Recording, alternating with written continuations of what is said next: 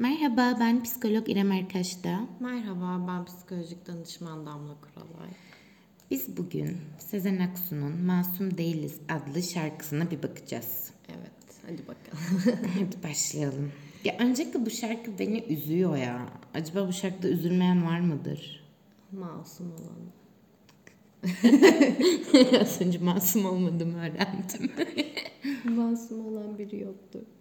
Şar- şarkının dakikasına baktım 5 dakika ama sözleri çok az böyle daha çok vibe vermişti aslında bana ama dönüyormuş Nakaratı meğerse. çok dönüyor. Bir de müziği uzun sanırım o aradaki esler.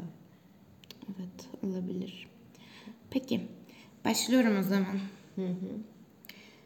Kan ter içinde uykularından uyanıyorsan her gece, yalnızlık sevgili gibi boylu boyunca uzanıyorsa koynuna, olur olmaz yere ıslanıyorsa kirpiklerin artık her şeye, anneni daha sık anımsıyorsan hatta anlıyorsan. Sıkıntılı bir durum. Yani şöyle geliyor bana.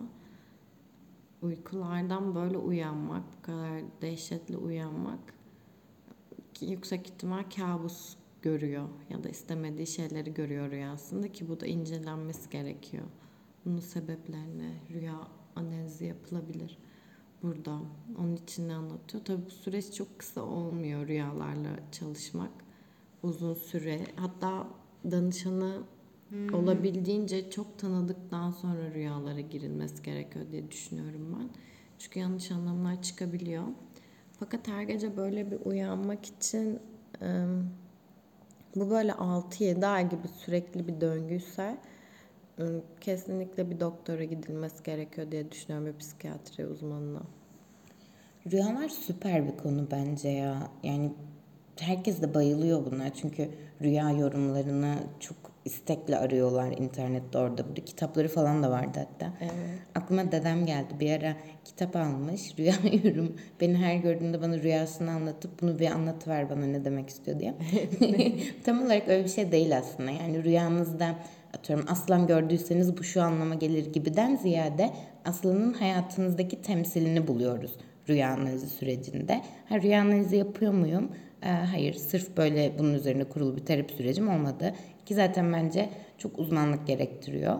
Ee, ama yine de tabii ki e, terapi süreçlerinde zaman zaman bu rüya ne anlatmak istedi gibi birlikte tartışıyoruz. Bana da bu şöyle geldi. Hmm, her gece e, uykusundan uyanmak e, biraz böyle anksiyete hali gibi de değil mi? E, tehlikede, tetikte hissediyor ve e, Evet. sürekli uyanıyor her zaman bir şey olacak gibi. Muhtemelen bu gününe de gün içindeki ona da yansıyordur. Her an her şey olabilir düşüncesi.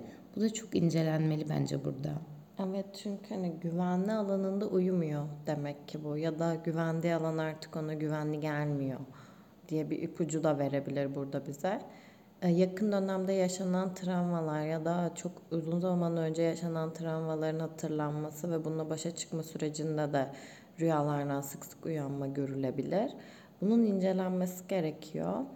Fakat e, yani dediğim gibi bir uzmanla beraber, yani uzman dedim hani bir psikiyatri uzmanıyla beraber gidilirse çok daha sağlıklı olur. Çünkü uyku kalitesi çok önemli. Uyku kalitesi ne kadar düşerse olumsuz olumsuz yaşantılar o kadar fazla artıyor aslında baktığımızda. En basitinden e, fizyolojik olarak sıkıntılar başlıyor. Ardından ruhsal olarak sıkıntılar başlıyor ya da tam tersi bir sürece giriliyor. O yüzden uyku kalitesi önemli. Bu da hani 15 saat uyumakla 4 saat uyumanın arasında bir fark da yok. Çünkü kararında uyumak gerekiyor. Herkes için uyku zamanı farklıdır, uyku saati. Size uygun olan uyku saatinde uyuyup uyanmanız gerekiyor diye söyleyebilirim burada. Çok da şey aslında çok biricik bir süreç yani. Hani diyorlar ya ideal uyku süresi 8 falan diye ama senin idealin neyi bulmak lazım. Şeyde lisansta hatırlıyorum şeyi. Uykuyla ilgili derslerimiz vardı ve bir kişinin uykusunun incelenmesi için gece boyu hani onun üzerinde oluyorlardı cihazlar şunlar bunlar falan. Yani bu kadar gelişmedi tabii ki tıp ülkemizde ama keşke her hastanede e, yapılabilse çünkü cidden dediğin gibi çok önemli bir şey uyku hem zihin için hem beden için.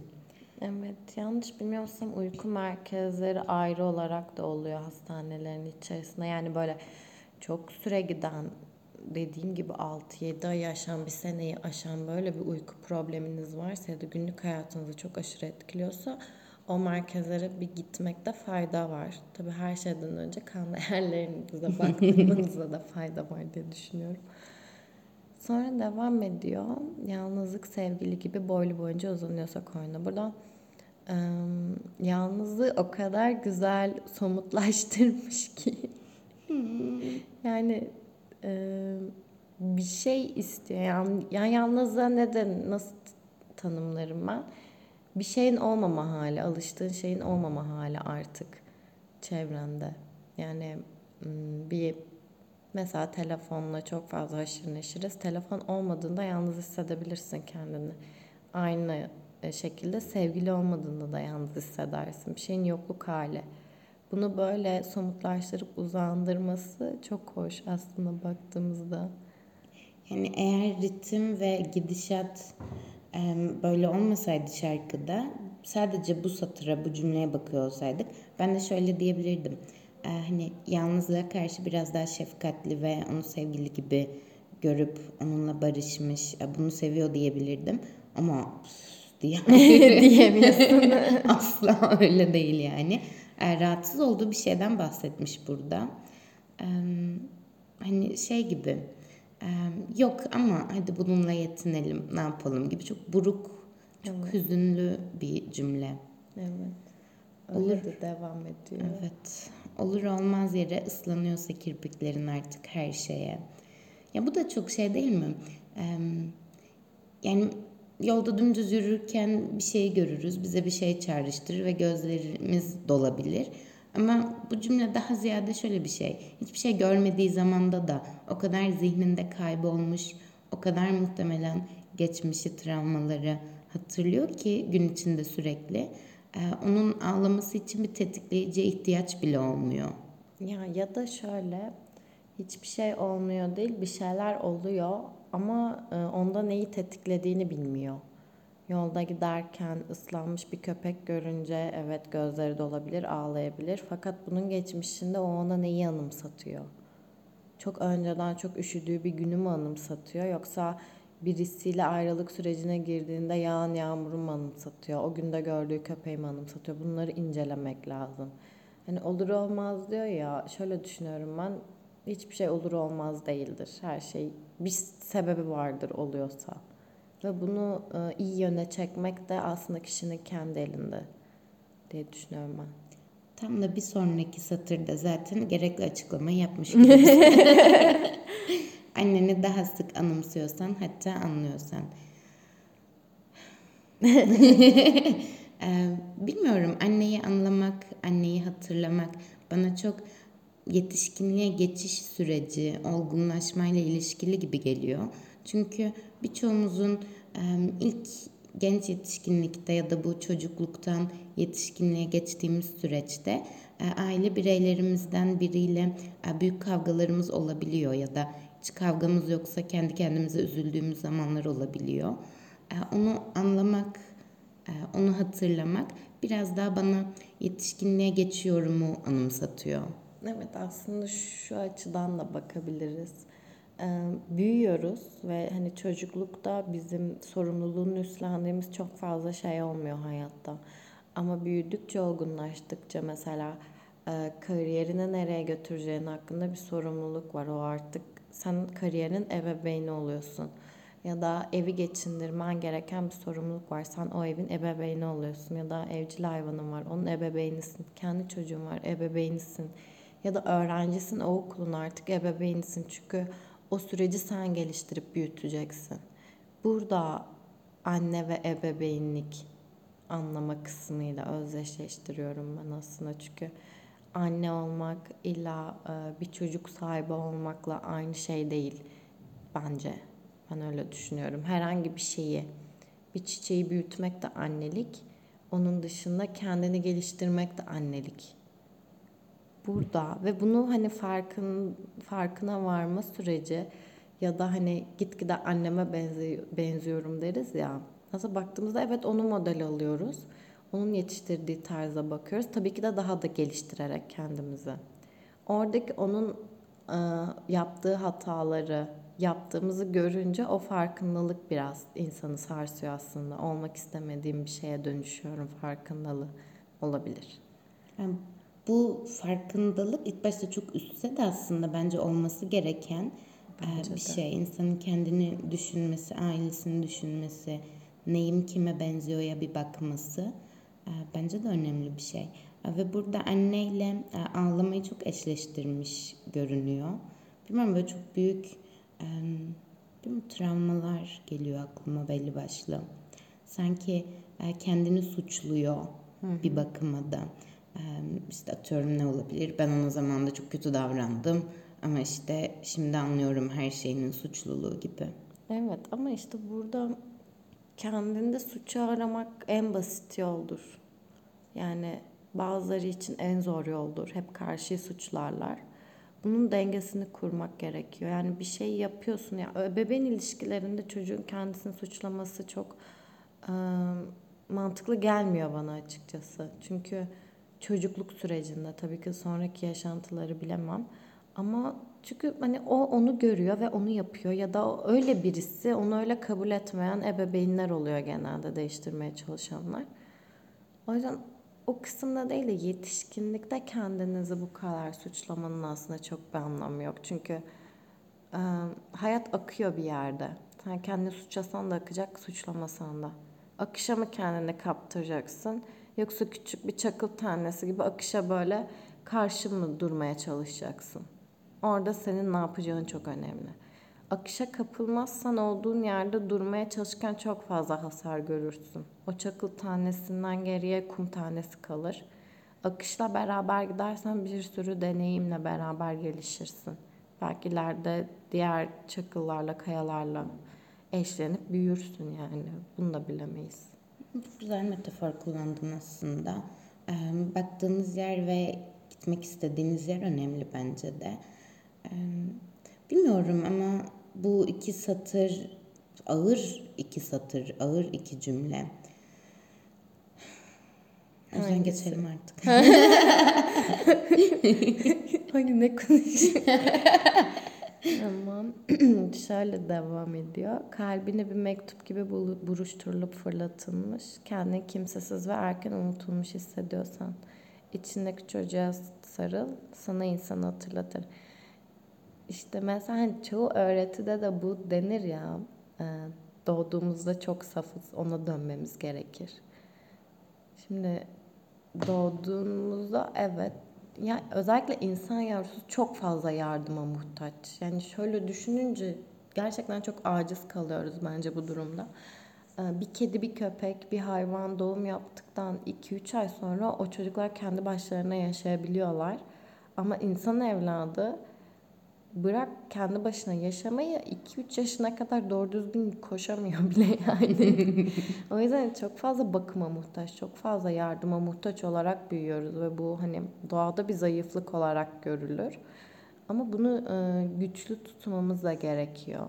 O yüzden belki de bu kadar fazla bilinçlenmişizdir. Neye göre bilinç? O da tartışılır ama hani genel yargıya göre. Fakat burada tam şey gibi yetişkin bunalımı gibi geliyor bana böyle e, 24-26 yaşları arasında böyle e, o buhranı yaşayanlar vardır. E ne yapacağım şimdi? Yani nereye gideceğim? Kimle gideceğim? Biriyle mi gitmem gerekiyor? Tek mi gitmem gerekiyor? Falan gibi şeyler. Orada işte fark ediyorsun o ergenlikteki şeyden çıktığında kendine odak noktası olmadığını fark ettiğinde bu farkındalıklar geliyor onun yerine. Çünkü böyle e, ergenken şöyle hissederiz ya. İşte ben dünyayı şu an değiştirebilirim. Dünyayı değiştiremez misin? Değiştirebilirsin.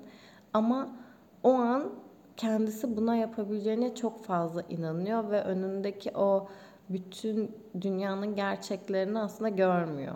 Kendi hayal dünyasında kendi kahraman olarak yaşıyor ve sonra bir bakıyor ki değiştirmen için kat etmen gereken o kadar fazla yol var ki kendini, çevreni, etrafını değiştirerek bunu yapman gerekiyor.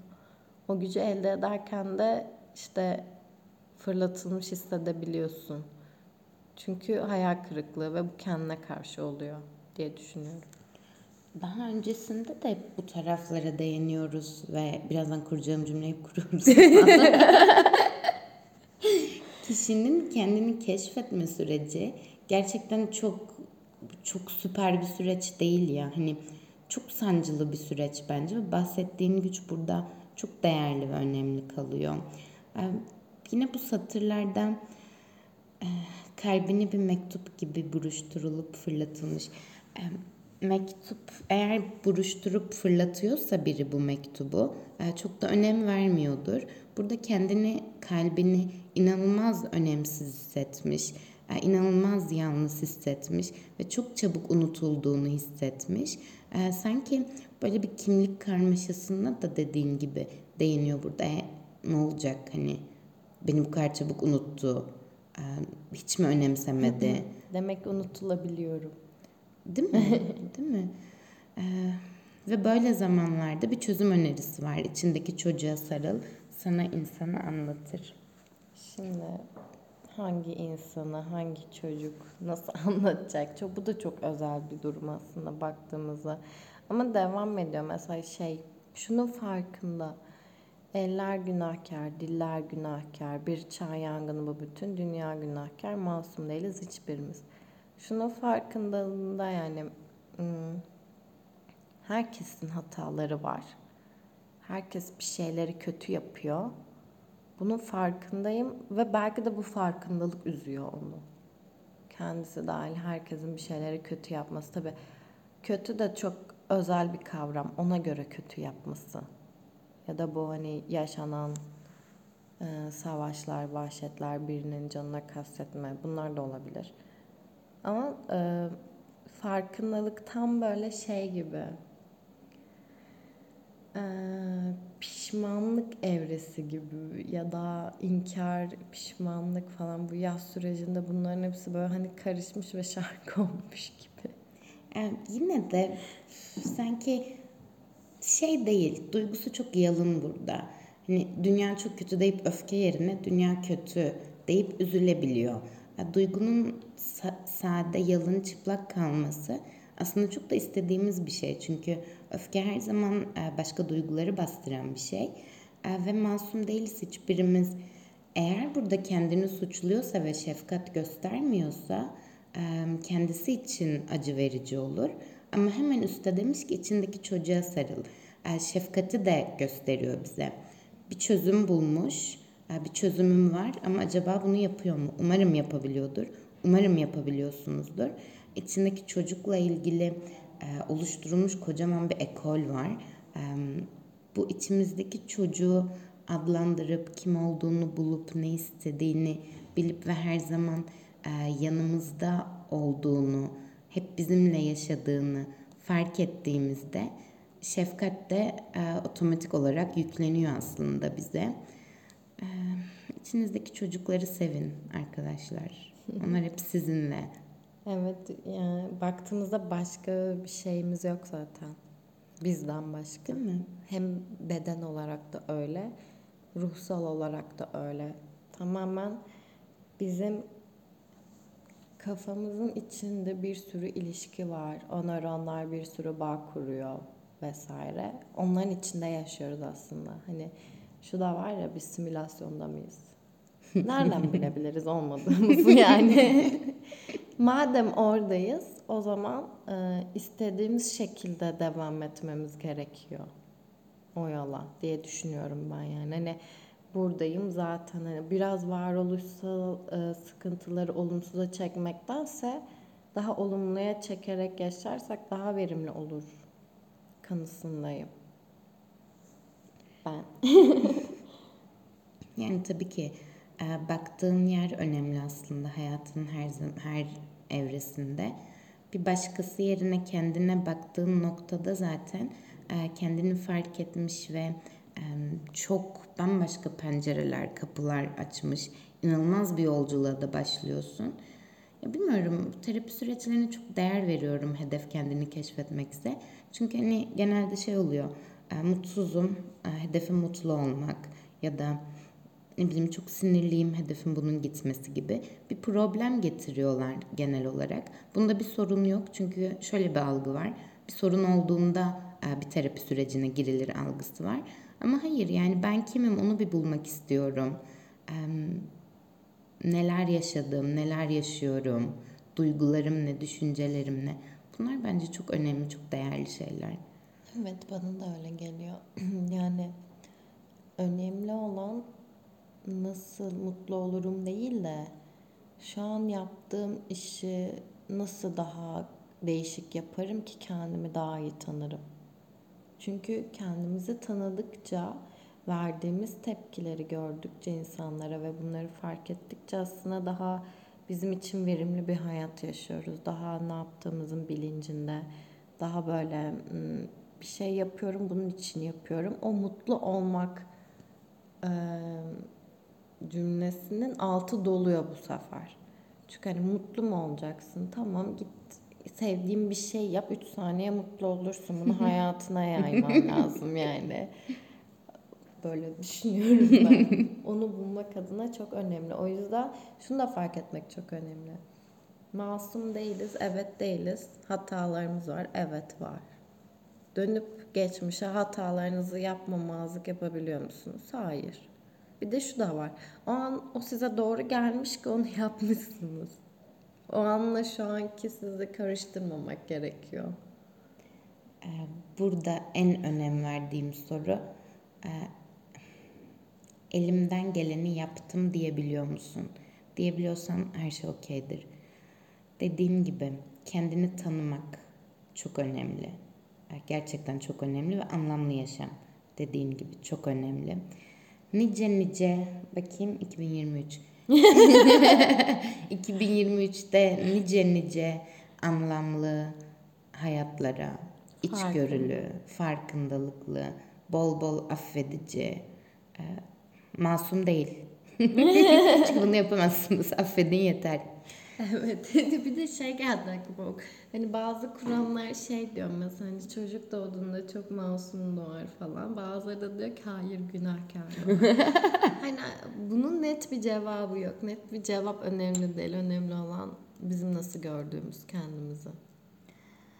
Evet. Gibi. Çok katılıyorum. O zaman görüşmek üzere. Dinlediğiniz için teşekkürler. Bize Instagram'dan, e, mailden yazabilirsiniz. E, öyle o kadar. O zaman biz gidiyoruz. İstek- Görüşürüz. İstek e, bir şeyleriniz evet. olursa şarkı, dizi, film onları da bakabiliriz. Aynen. Instagram'dan ulaşabiliyorsunuz. Zaten bize biliyorsunuz. Çok teşekkür ederiz. Görüşürüz. Görüşmek üzere.